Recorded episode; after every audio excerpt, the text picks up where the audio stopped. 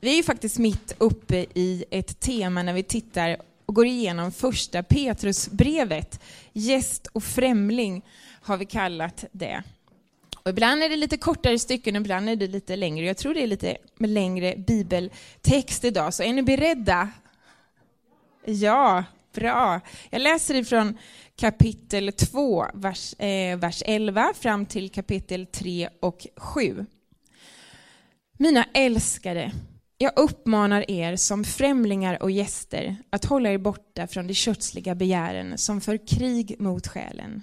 Uppför er väl bland hedningarna, så att de när de anklagar er som förbrytare ser alla goda gärningar ni gör och prisar Gud den dag han uppsöker dem. Underordna er varje myndighet för Herrens skull. Det må gälla kejsaren som högste härskare eller landshövdingarna som är utsända av honom för att straffa dem som gör det onda och hedra dem som gör det goda. Ty det är Guds vilja att ni genom att göra gott ska tysta munnen på oförståndiga och okunniga människor.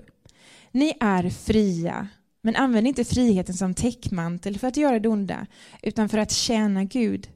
Visa aktning för alla, älska bröderna och frukta Gud och vörda kejsaren. Och ni slavar, underordna er era herrar och visa dem all respekt, inte bara de goda och milda, utan även de hårda. Om någon som vet att Gud är med honom håller ut när han får lida oskyldigt, så är det nåd från Gud. Vad är det för berömvärt om ni härdar ut med att bli slagna när ni handlar orätt? Men om ni håller ut när ni får lida, fast ni handlar rätt, då är det nåd från Gud. Detta har ni blivit kallade till.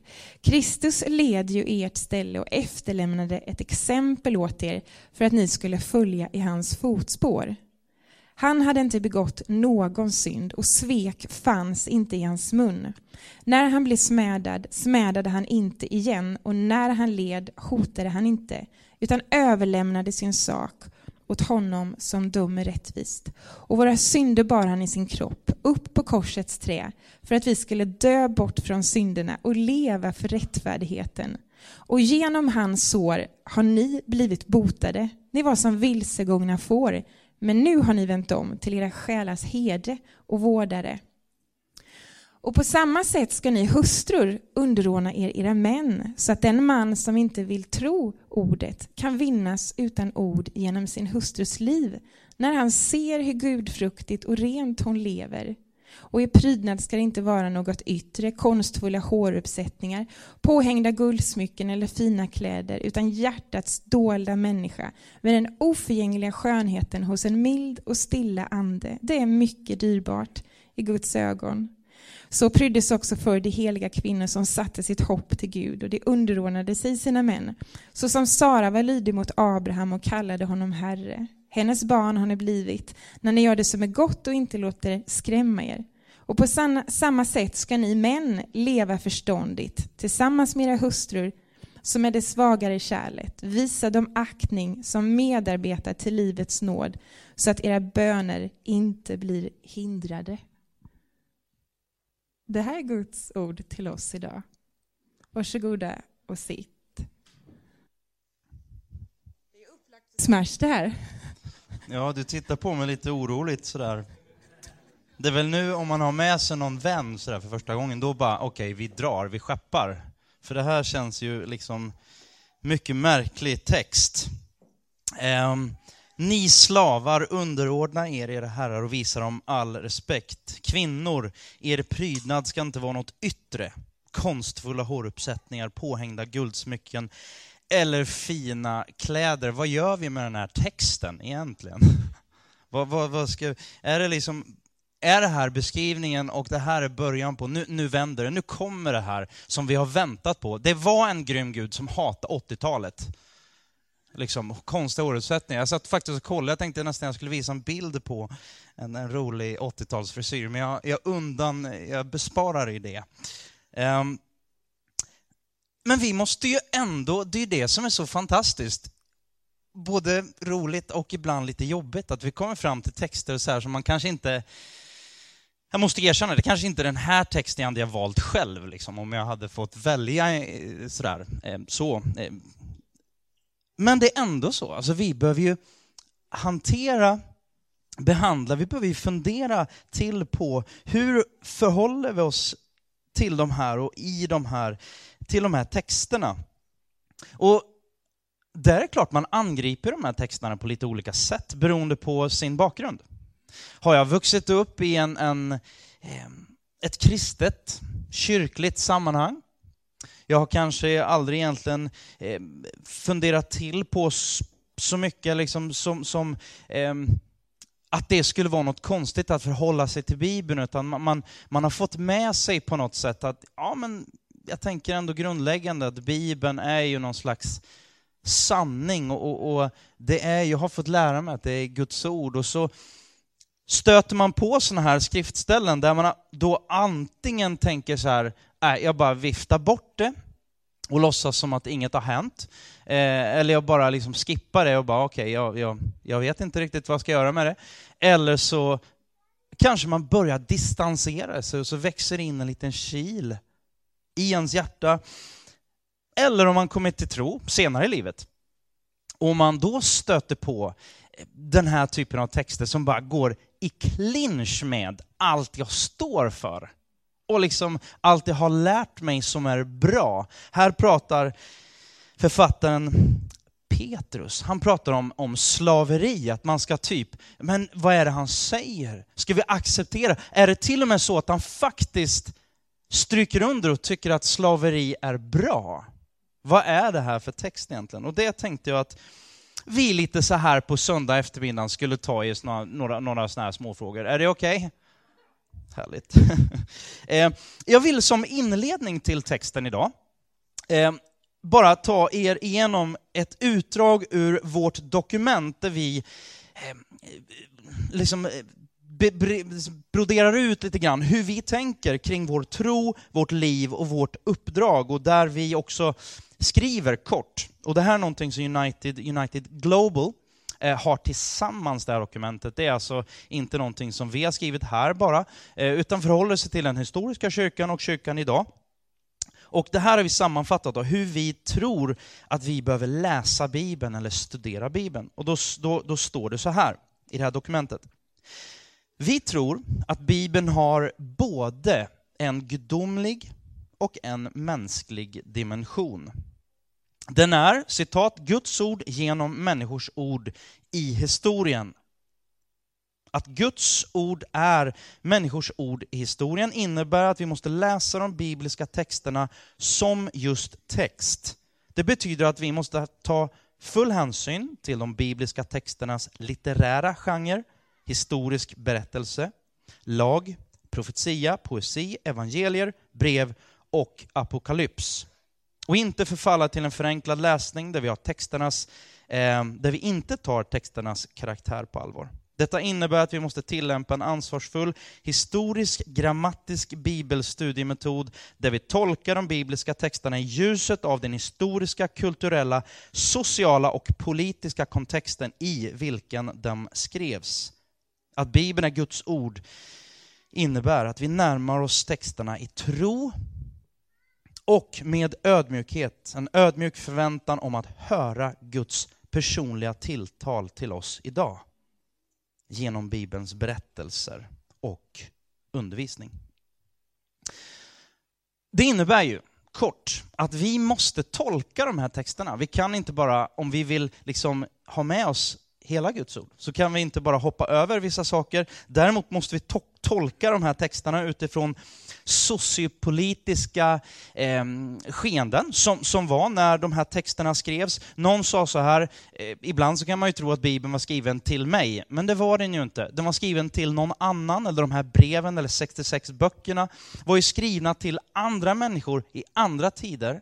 Skrivet till andra människor, men för mig och för oss. Skillnad. Eh, jag tror dock inte att det räcker att bara titta på den sociopolitiska situationen i, i det dåvarande grekiska romarriket för att förstå kanske riktigt allt det här då, men, men, men man måste även läsa in då, vad, vad, vad säger Petrus i övrigt? Det är ju ganska intressant att titta på, alltså vilket sammanhang tittar han utifrån? Vad, vad, vad säger han innan framförallt? Vad är det han pratar om. Eh, där han till exempel då i kapitel 1 säger i sin stora barmhärtighet genom Jesu Kristi uppståndelse från de döda fött oss till ett nytt levande hopp, till ett arv som aldrig kan förstöras, fläckas eller vissna och som är förvarat åt er i himlen. Med Guds makt blir ni genom tron bevarade till en frälsning som finns beredd och ska uppenbaras i den sista tiden. Frälsning, räddning, Bibeln säger Johannes 3 och 16, det var av kärlek som Gud beredde den här frälsningen.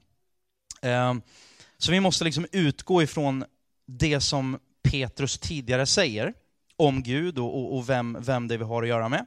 Och sen då, jag tror inte det räcker det heller, utan vi måste nog tolka, se till att vi tolkar skriften konsekvent, att vi tar med hela skriften, hela, man brukar prata om hela Guds rådslut. Lite sådär tekniskt, men, men vad säger resten av Bibeln om Guds natur? Guds frälsningsplan, Guds tanke? Ehm, så vi ska försöka och, och, och liksom titta på några av de här, de här bitarna. bitarna. Och eh, jag har brottats med de här bibelställena tidigare. Kanske inte brottas så jättemycket med dem längre, Ehm, utan mer bara att man kan brottas med hur ska jag förklara det här på typ 35 minuter. Det är kanske en, en, en utmaning i sig. så. Men, men eh, det här med att brottas med svåra frågor. Det finns svåra frågor som jag fortfarande brottas väldigt mycket med i skriften. Eh, även om det kanske inte är just det här som jag brottas med, med mest så. Men eh, en fråga som kommer upp gång på gång och som jag samtalade med en person här senast den här veckan. Varför händer dåliga saker goda människor?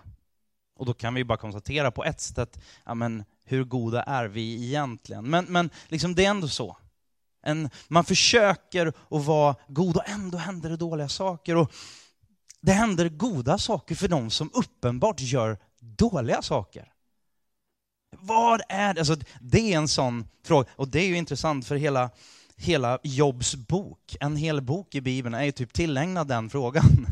Handlar just om det. En annan som, som eh, jag tänkte vi skulle läsa lite ett citat ifrån, det är ju den, den eh, väldigt kända kristna författaren, eh, filosofen och, och, och till viss del och teolog också, C.S. Lewis.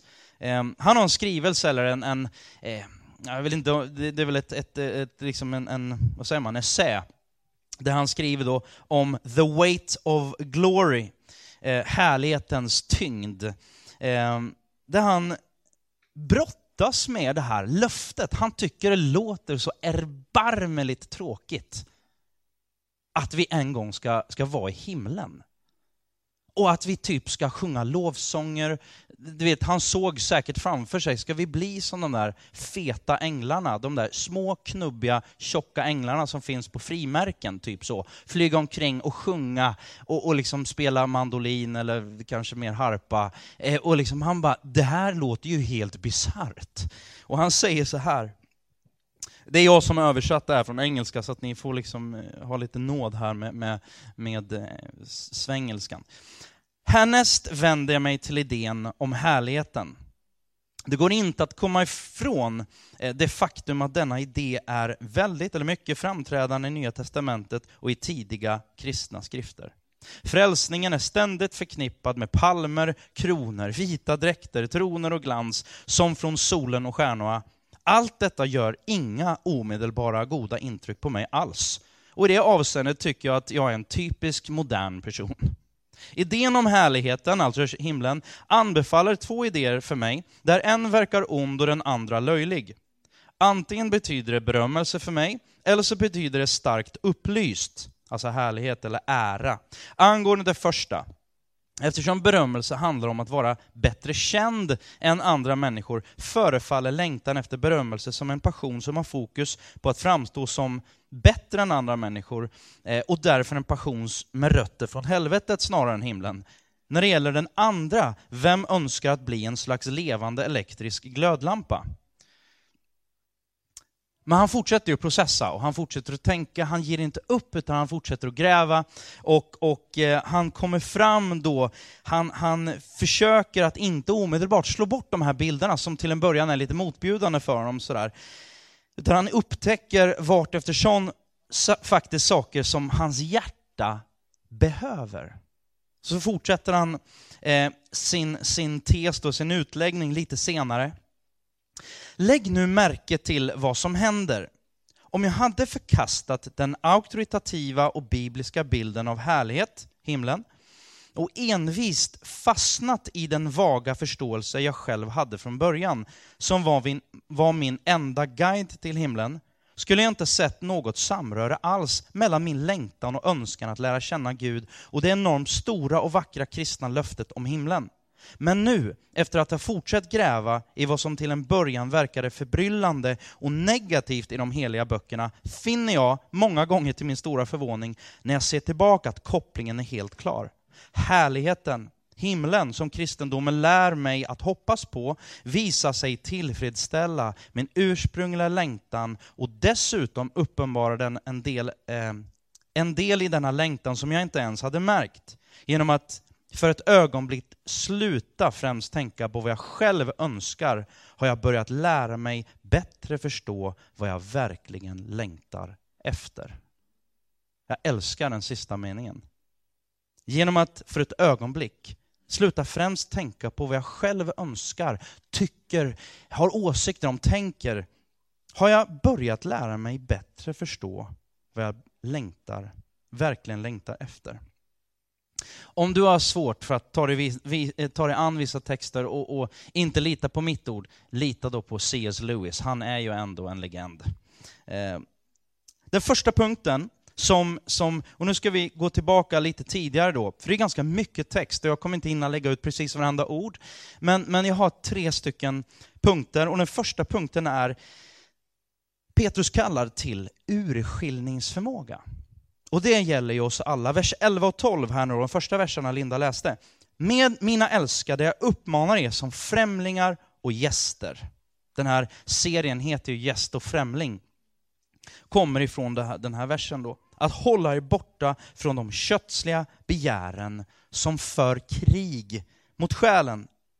Uppför er väl bland hedningarna så att de, när de anklagar er som förbrytare, ser alla goda gärningar ni gör och prisar Gud den dag han uppsöker dem.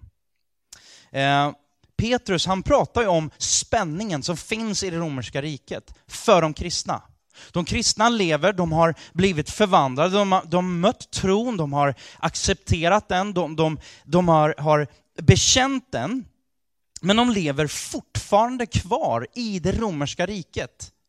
De, bor, de föddes förmodligen då in i det romerska riket och de levde som romare och de lever som romare rent juridiskt. Men helt plötsligt har ett annat rike kommit, Guds rike har ett annat rike med andra, lite andra lagar och andra förhållningssätt, andra regler på något sätt kommit och, och, och börjar börja liksom så här, ja men nu blir det ett, ett både och här. Jag är en romare men ännu ändå inte rent som, precis som tidigare. Utan det finns ett annat rike som jag måste förhålla mig till. De säger kanske någonting till. Vi försöker följa den här vägen, Jesu väg. Och varje dag möter vi situationer som inte alls hjälper oss på den här vägen. Är det någon som känner, känner igen sig? Det här vill jag göra. Hur många är det som har försökt att, att ge sig på att träna mer i år? Efter nyår. Några som är ärliga, några har bara gett upp innan. Liksom bara, vi, vi skippar det här med att sätta mål. Då kan jag inte misslyckas. Har det någon, är det någon som har tänkt på liksom hur mycket grejer det är som kan komma upp och, och bara störa det här som jag egentligen vill? Aposteln Paulus säger i Romarbrevet, alltså det jag vill, det gör jag inte. Och det jag inte vill, alltså det är ju det jag gör. Så sitter jag där igen, jag, jag hade nej men jag skulle ju inte äta den där pizzan och så bara två blev det istället här nu. Liksom, vad, vad var det som hände? Vi möter dagligdags situationer som inte alls hjälper oss på vägen och inte sällan möter vi krafter som är, inte bara inte hjälper oss, utan som är i direkt opposition till den här världen, vägen. Så man skulle kunna säga att egentligen en bättre titel på vår serie skulle kunna vara, istället för gäst och främling, skulle kunna vara landsmän, samtidigt främlingar. Ehm, och grejen är den att, att han inser då, Petrus, han, han pratar om det här, men ni måste, egentligen säger han så här, men ni måste, ni måste faktiskt urskilja.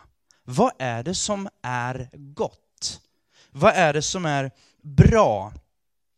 Eh, Jesus säger, i evangelien säger han så här, ja, ni ska inte leva, eller mitt folk, liksom mina efterföljare ska inte leva, man ska leva i världen, men inte av världen. Det är, man, han pratar om samma saker, det liksom går i linje med varandra. Det här, när Petrus nämner då de här orden, gäster och främlingar, det var ingenting nytt för, för de judiska kristna som fanns här i romarriket. De som hade läst sin, sin Tora, alltså lagen, första, andra, tredje, fjärde, femte Mosebok och profeterna, de stöter på redan i första Mosebok just de här samma orden. Och vi kan gå lite kort till första Mosebok kapitel 23. Och det är när trons fader kallade man då, fader Abraham, fader Abraham. Abraham, trons fader, hans hustru Sara då, hon har precis dött när vi kommer in och han saknar henne jättemycket. Ehm, och vi kommer in här då och vi kan läsa faktiskt de här fyra första verserna. Sara blev 127 år. Så gammal blev Sara. Hon dog i Kirjat Arba, det vill säga Hebron i Kanans land, och Abraham kom för att sörja Sara och begråta henne. Sen bröt Abraham upp från sin döda och talade med hetiterna. Han sa, jag är en främling och gäst hos er. Ge mig en egen gravplats hos er så att jag kan begrava mina, eller min döda.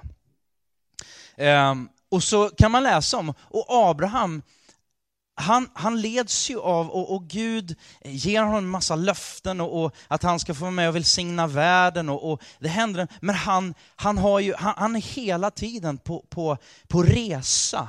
Och man kan läsa, man ser ganska tydligt, Abraham är, han är en landsman men samtidigt är han en främling hela tiden. Det där var liksom Israels folks identitet. Så när Petrus tar upp det så är det liksom inte taget i luften, utan det finns i hela deras identitet.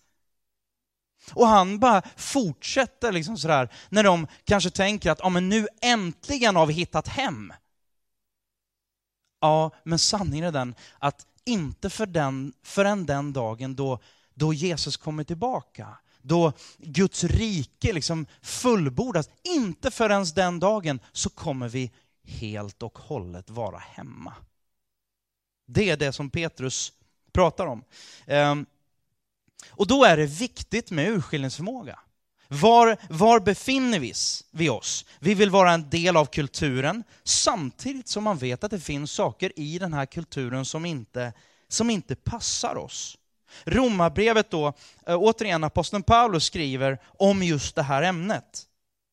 Romarbrevet 12 och 2 anpassa er inte efter den här världen, efter det här samhället, utan låt det förvandlas genom sinnets förnyelse, så att ni kan pröva vad som är Guds vilja och det som är gott och fullkomligt och som behagar honom. Att ha urskiljningsförmåga. En väldigt god vän till, till oss, till mig Linda och några av er också. Ehm, han heter Andreas Frankner. Han eh, startade eh, en, en eh, församlingsplantering och de har en kyrka i Sankt Petersburg. Och han berättade här för, för ett tag sedan att, att han, han, eh, precis som jag, eh, jag brukar säga jobbar 100% vid sidan om kyrkan. Eh, sådär, församlingsplanterare och, och det gör han också. Han, han ger sig, gett sig in i affärsvärlden och, och liksom som ett tältmakaryrke för att kunna leva och försörja familj och tillsammans med, med sin fru då, ja, men leva livet i Sankt Petersburg. Och då berättar han att, att i de här affärssammanhangen så har han kommit i kontakt med ett gäng eh, ganska framstående, liksom, ganska kända, välkända affärsmän. Många av de här var svenskar, det var stora svenska bolag och så vidare. Eh, no more information så. Men de var ute på en, en, en kväll på fest och, och, Andreas älskar fest och god mat och liksom de njöt där och hade det jättebra. En, en, och han var så glad för de här nya kontakterna som han hade fått. Och kvällen gick på och led mot sitt slut, tänkte Andreas i alla fall. Det var sent och så bara beställde de fram då limousiner och det var väldigt flådigt och sådär. Och han hoppade in där i en limousin och han visste inte riktigt var de var på väg sådär. Men ju närmare och ju längre de sitter i, i limousinen där så förstår han ju liksom vart de är på väg. Då är de på väg till en bordell eller till ett ställe där de har hyrt och det ska dit, det fina ordet är väl eskorter. Men det var prostituerade som de hade liksom, eh, hyrt in då, som, som skulle fylla deras eh, kväll och de skulle fortsätta där. Och när de kom fram så, så säger bara Andreas så här, stort tack för den här kvällen, men här slutar min kväll. Jag är lyckligt gift och eh, därför slutar min kväll. Jag åker, jag, jag, jag åker hem till min fru nu. Och så åkte han hem till sin fru, Anneli. Och jag tänker att där någonstans så gick en skiljegräns för honom. Jag tror inte att det bara är Andreas eh, med sin tro som skulle göra det valet. Jag tror att det är många andra. Men det finns ändå, det finns saker och ting där, där bara, nej men det här, det här hit men inte längre. Och där behöver du och jag, vi, alltså det är ju urskiljningsförmåga skulle jag säga, det är ju, det är ju färskvara. Det är färskvara. Och det är så svårt att inte börja tulla på vissa saker. Och, och det är så svårt att veta, är det här någonting jag ska tulla på eller faktiskt vänja mig vid? Eller är det här någonting som jag faktiskt inte ska vänja mig vid och som är rent och, och rakt dåligt för mig? För mitt eviga väl och för Gud, liksom i min relation med Gud. Jag vet inte, kanske hade det varit svårt för dig att i den situationen säga nej till, till det som Andreas sa nej till. Kanske det hade varit det enklaste i vägen, världen för dig. Men du har sannolikt andra saker som är svåra för dig. Skattefiffel. Eller, eller något annat kring ekonomi. Eller någonting annat där, där vi bara börjar tulla. Vi börjar liksom eh, ja, kanske har det med relationer att göra och du känner liksom att nej, men jag, jag får inte den uppmuntran jag är värd.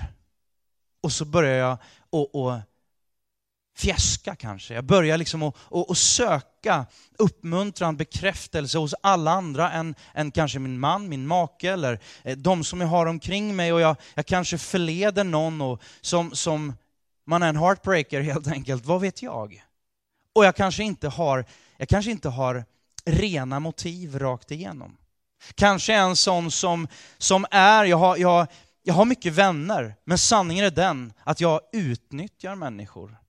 För jag vill att folk ska fylla, eh, de ska finnas där på min Facebook, de ska göra de här inläggen, de ska, jag ska finnas på de här festerna, eller jag ska göra saker så länge de kittlar mig och så länge de får mig att framstå på ett visst sätt, ja då, då då är jag kompis med dem, då är jag vän med dem.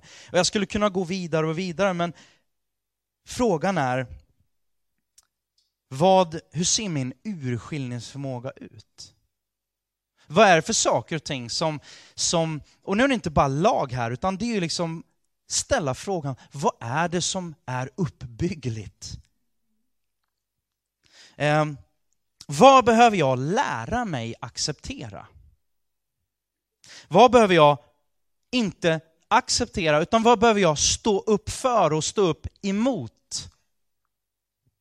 Vad behöver jag på det sättet liksom verkligen göra någonting åt?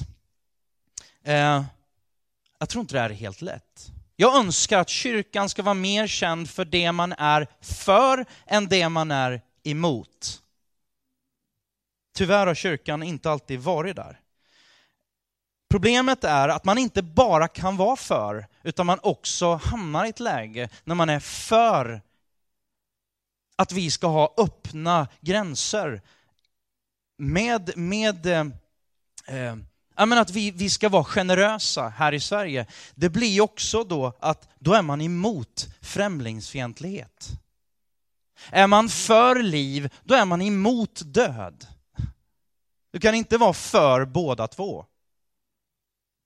Inte på det sättet.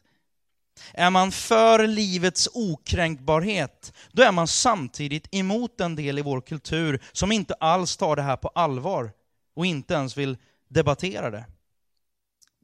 Och då är man emot det även om det inte är politiskt korrekt. Not the right thing to say.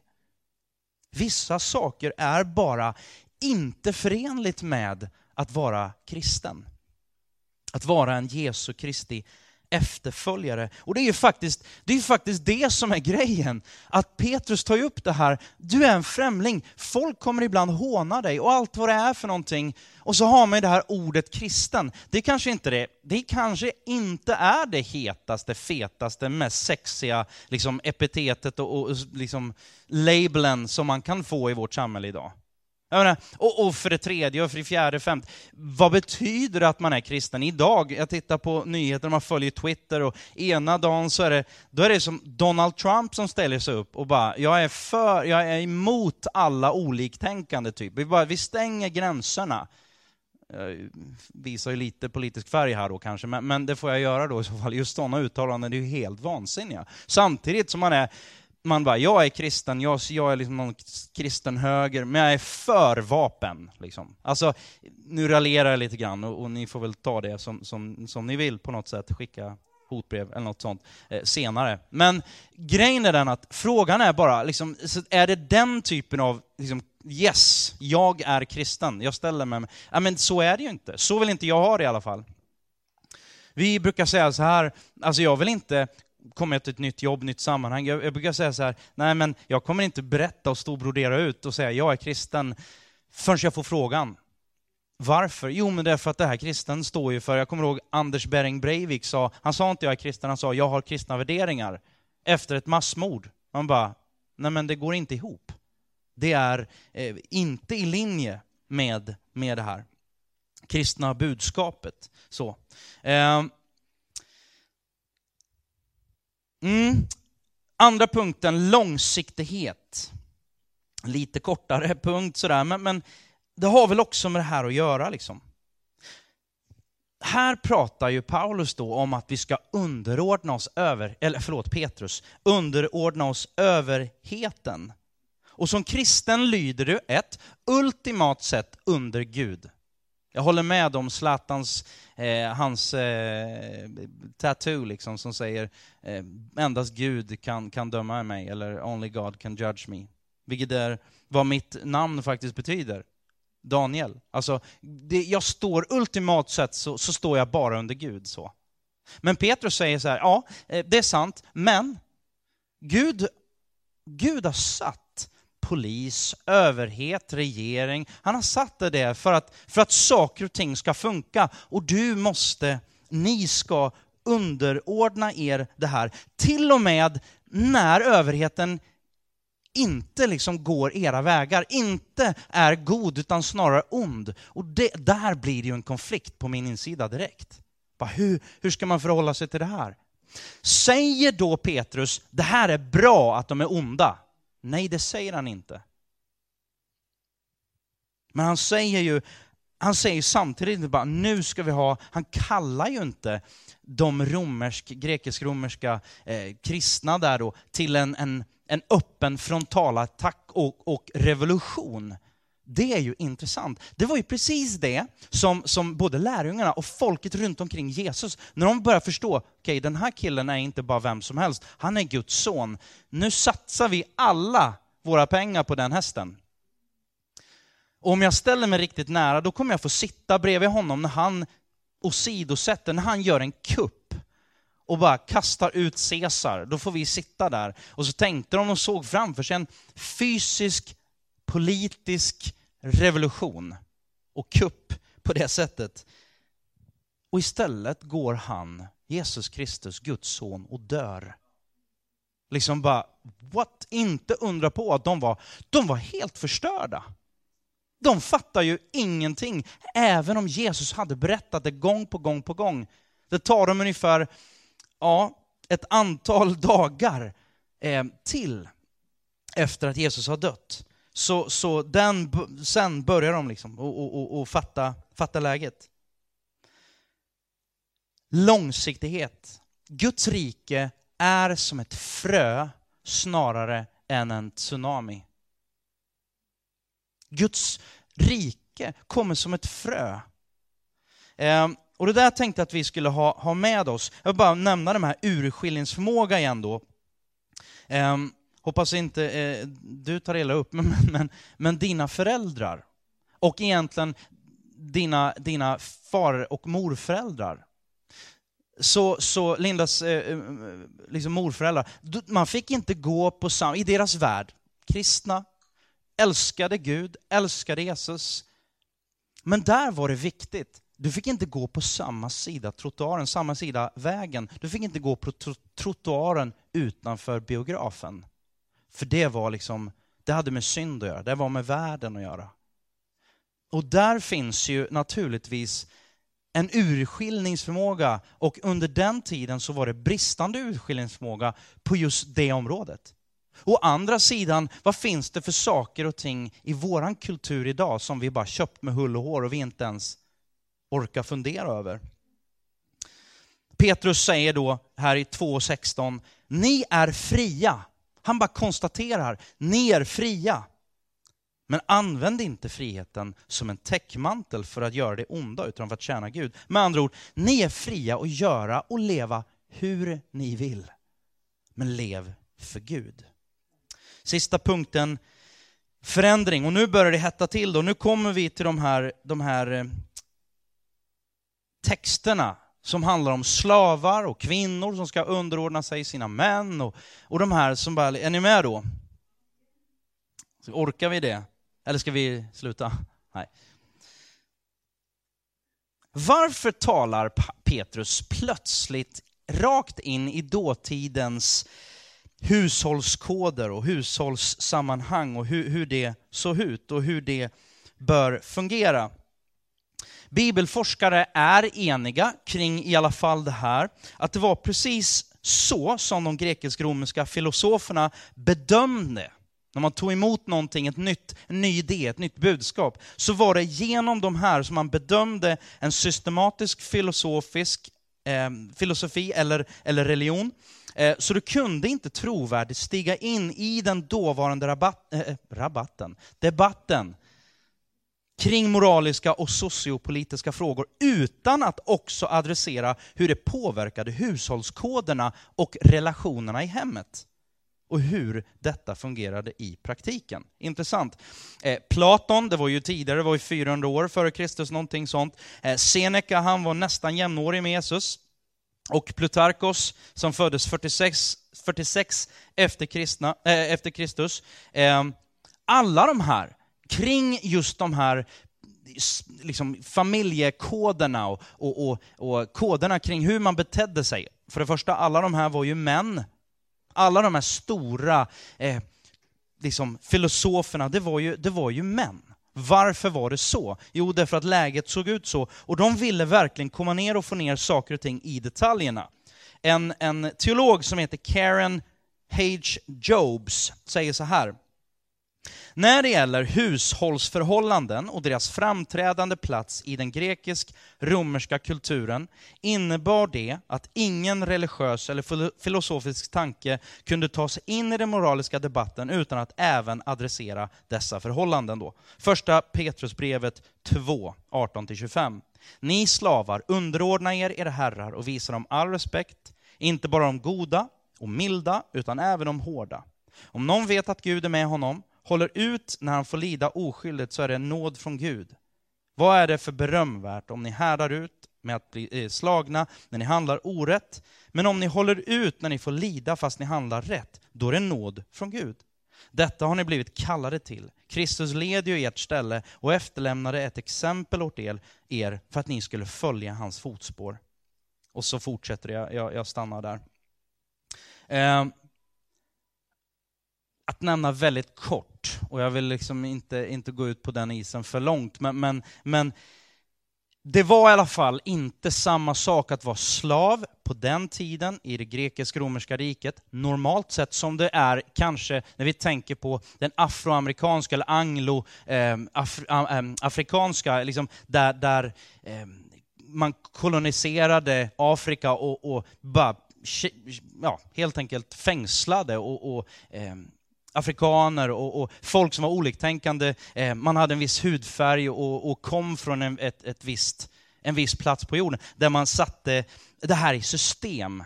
Det var inte riktigt så det gick till på, på, på den tiden. Utan för många var det, det var enda sättet att, att komma ur en ond spiral. För man var slav och så tjänade man lite pengar i alla fall. Och en dag kunde man, jag kan inte de här tiderna och så, men man kunde köpa sig fri helt enkelt. Men utan att gå längre i det, så är det ändå så att personer som är slavar utsätts för hemskheter. Om man nu tittar på eh, de här slavarna, även under kolonialtiden, så var det så man kan hitta lovsånger, fantastiska eh, lovsånger som, som slavarna sjöng och man tillbad Gud. Och på något sätt, när, när, när folk skriver om det här eh, i efterhand, så bara, det var på något sätt, de var fängslade, men de var ändå helt fria. Och det är väl det som, som Petrus pratar om. Det finns ett rike här, men det finns ett annat rike som vi förhåller oss till. Ja, den sociopolitiska, socioekonomiska situationen för dig är att du är slav just nu, men fokusera inte främst, så skulle man kunna säga, fokusera inte främst på det du inte har, utan fokusera på det du faktiskt har. Och gör det bästa av den situationen.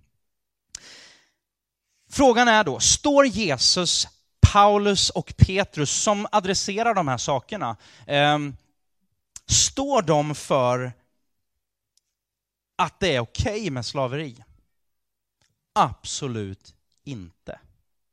Det kan man ju, eh, det blir väldigt svårt att, att liksom föra den tesen. Däremot står de snarare för en subtil omstörtning av ett felaktigt system än en frontalan, eh, frontalangrepp på det. Är ni med? Jag tror att man kan säga utan att överdriva att kristen tro måste leda till en icke-våldslivsstil. Jag tänker att, det här har jag sagt tidigare också, men att du, om du ska förändra och du ska omstörta en, en, en sån djävulsk eh, företeelse eh, som IS, terroristorganisationen, terroristgruppen IS. Jag tror inte att det främst går med våld, utan du måste ersätta det med en annan tanke, en annan ideologi, en annan idé. Och idéer är sprängkraft. Det är alltså en långsiktig förändring som, som han nu introducerar och börjar liksom peka och börjar förändra. Det tar lång tid att styra ett stort skepp, brukar man säga. Karen Jobs då igen. Jag ska försöka gå ner för landning här nu då. Karen Jobs säger igen, jag har inte översatt det här. Some interpreters consider the New Testament household codes to be hopelessly chauvinistic. Alltså manschauvinistiska då. They fail to read the codes against their contemporary literature, which shows that the New Testament writers actually subverted, alltså omkullkastade, cultural expectations by elevating the slave and the wife with unparalleled dignity. Du kan inte hitta titta. Det är intressant bara för att, för att eh, liksom titta på det då, uppdelningen och, och in, eh, upplägget som, som Petrus har. Han börjar med att tala till alla. Ni alla, ni är fria, ni är liksom främlingar och gäster och, och han pratar liksom till, till Guds folk. Hög, låg, gammal, ung, alla. Och sen går han direkt på, det normala hade varit att han direkt tilltalade mannen. Men han tilltalar inte ens direkt frun, som, som liksom kom på någon slags andra plats i deras, i deras kultur. Utan han, han går på de som är mest marginaliserade av alla och börjar med, med slavarna. Bara det, jag tänkte så här, i, i, när hon beskrev, hon skrev en massa annat också, jag tänkte så här, det är som att sitta, det är som att sitta där och bestämma vem som ska sitta var på ett bröllop. Är det någon som varit med om det? Så här, man ska sitta, och Och det är att säga så här, vet du vad? Svärmor, hon får sitta längst bak. Bara, du är inte ens med på... Äh, vänta nu, vi, vi, vi lämnar ute svärmor och svärfar från den här kartan. Det är ungefär lika, han, han är lika, liksom, det, är en, det är en revolutionär företeelse. Så han börjar, det är bara för att så här, vi ska förstå lite grann, vad är det han gör för någonting? Så han säger inte det är okej, okay, utan han säger det här, att han överhuvudtaget dessutom då tilltalar eh, slavarna. Eh, och sen då efter att han har tilltalat slavarna, så går han inte på mannen, utan han går på kvinnan. Han bara, du får vänta ändå svärmor, du får vänta ett tag till. Och så läser vi då första Petrusbrev kapitel 1. Vi kan läsa de första två verserna. På samma sätt ska ni hustrur underordna er era män, så att den man som inte vill tro kan vinnas utan ord genom sin hustrus liv, när han ser gudfruktet, hur gudfruktet och rent hon lever. Kort och gott, eh, Petrus här, han, han lyfter upp kvinnan. Det är egentligen det han gör. I den, i den socio politiska, eh, i den situation som råder, så är det bara, det är liksom, det är etsat i sten. Att mannen är huvudet för familjen och kvinnan kommer liksom på släptåg. Men han adresserar henne före mannen. Innan så skulle det varit så att han säger till mannen, ja, mannen, du får ta med den här informationen och göra lite vad du vill med den, men eh, klart du ska behandla din, din slav väl och din fru väl och sådär. Men han, han gör inte det. Petrus tilltalar slaven, han tilltalar kvinnan. Och så här säger han då, kvinnor, ni som lever med icke-kristna män. Han, han, han eh, kallar inte dem till krig mot, mot hela samhället eller mot sina män, utan han säger bara en, en, en, en långsiktig förändring. Börja lev ännu mer kärleksfullt. Så kommer han genom ditt liv komma till tro. Han som inte vill tro, står det och sen så, så finns det en, en, en massa andra saker så, men, men det är ändå tydligt, om man tittar genom historien, så, så att, och det vill jag ha sagt som, som avslutning, jag kan bryta och bända och, och gå igenom det här ännu mycket mer, men Galaterbrevet i alla fall, 3 och 28 säger så här, nu är ingen längre jude eller grek, slav eller fri, man eller kvinna. Alla är ni ett i Kristus Jesus. På ett sätt säger Petrus så här, vet du vad? Det spelar inte någon roll. Han kanske till och med är lite, lite kärv och säger så här, vet du vad? Jag kommer inte tycka synd om dig, för du är värd så mycket mer. Bara för du är slav, eller du är kvinna, ja, du är det svagare kärlet. Ja, vad betyder det? Då får vi hybris över det. Ja, för det första så var det bara så att, att det generella, ja, men kvinnan var svagare rent fysiskt än mannen och dessutom så engraverat i samhället att mannen hade en starkare ställning i samhället än vad kvinnan hade. Men istället för att bara, men jag tycker synd om er, så, så bara vänd er och tjäna Gud i den här situationen. Och så börjar vi en långsam kärleksrevolution på det sättet. Nu är ingen längre jud eller grek, slav eller fri, man eller kvinna, alla är ni ett i Kristus. Amen. Himmelske far, tack för ditt ord. Herre, Hjälp oss att, att eh, ha god urskiljningsförmåga. Hjälp oss att kunna skilja mellan det som är det som, det som förstör, det som bryter ner, det som, det som eh, skalar av felaktiga saker i våra liv. Gud, hjälp oss att, att ha en urskiljningsförmåga där vi klarar av att säga nej till rätt saker och ja till rätt saker. Himmelske far, tack för allt fantastiskt du har gett oss i den här världen. Tack för att vi får njuta av dina gåvor.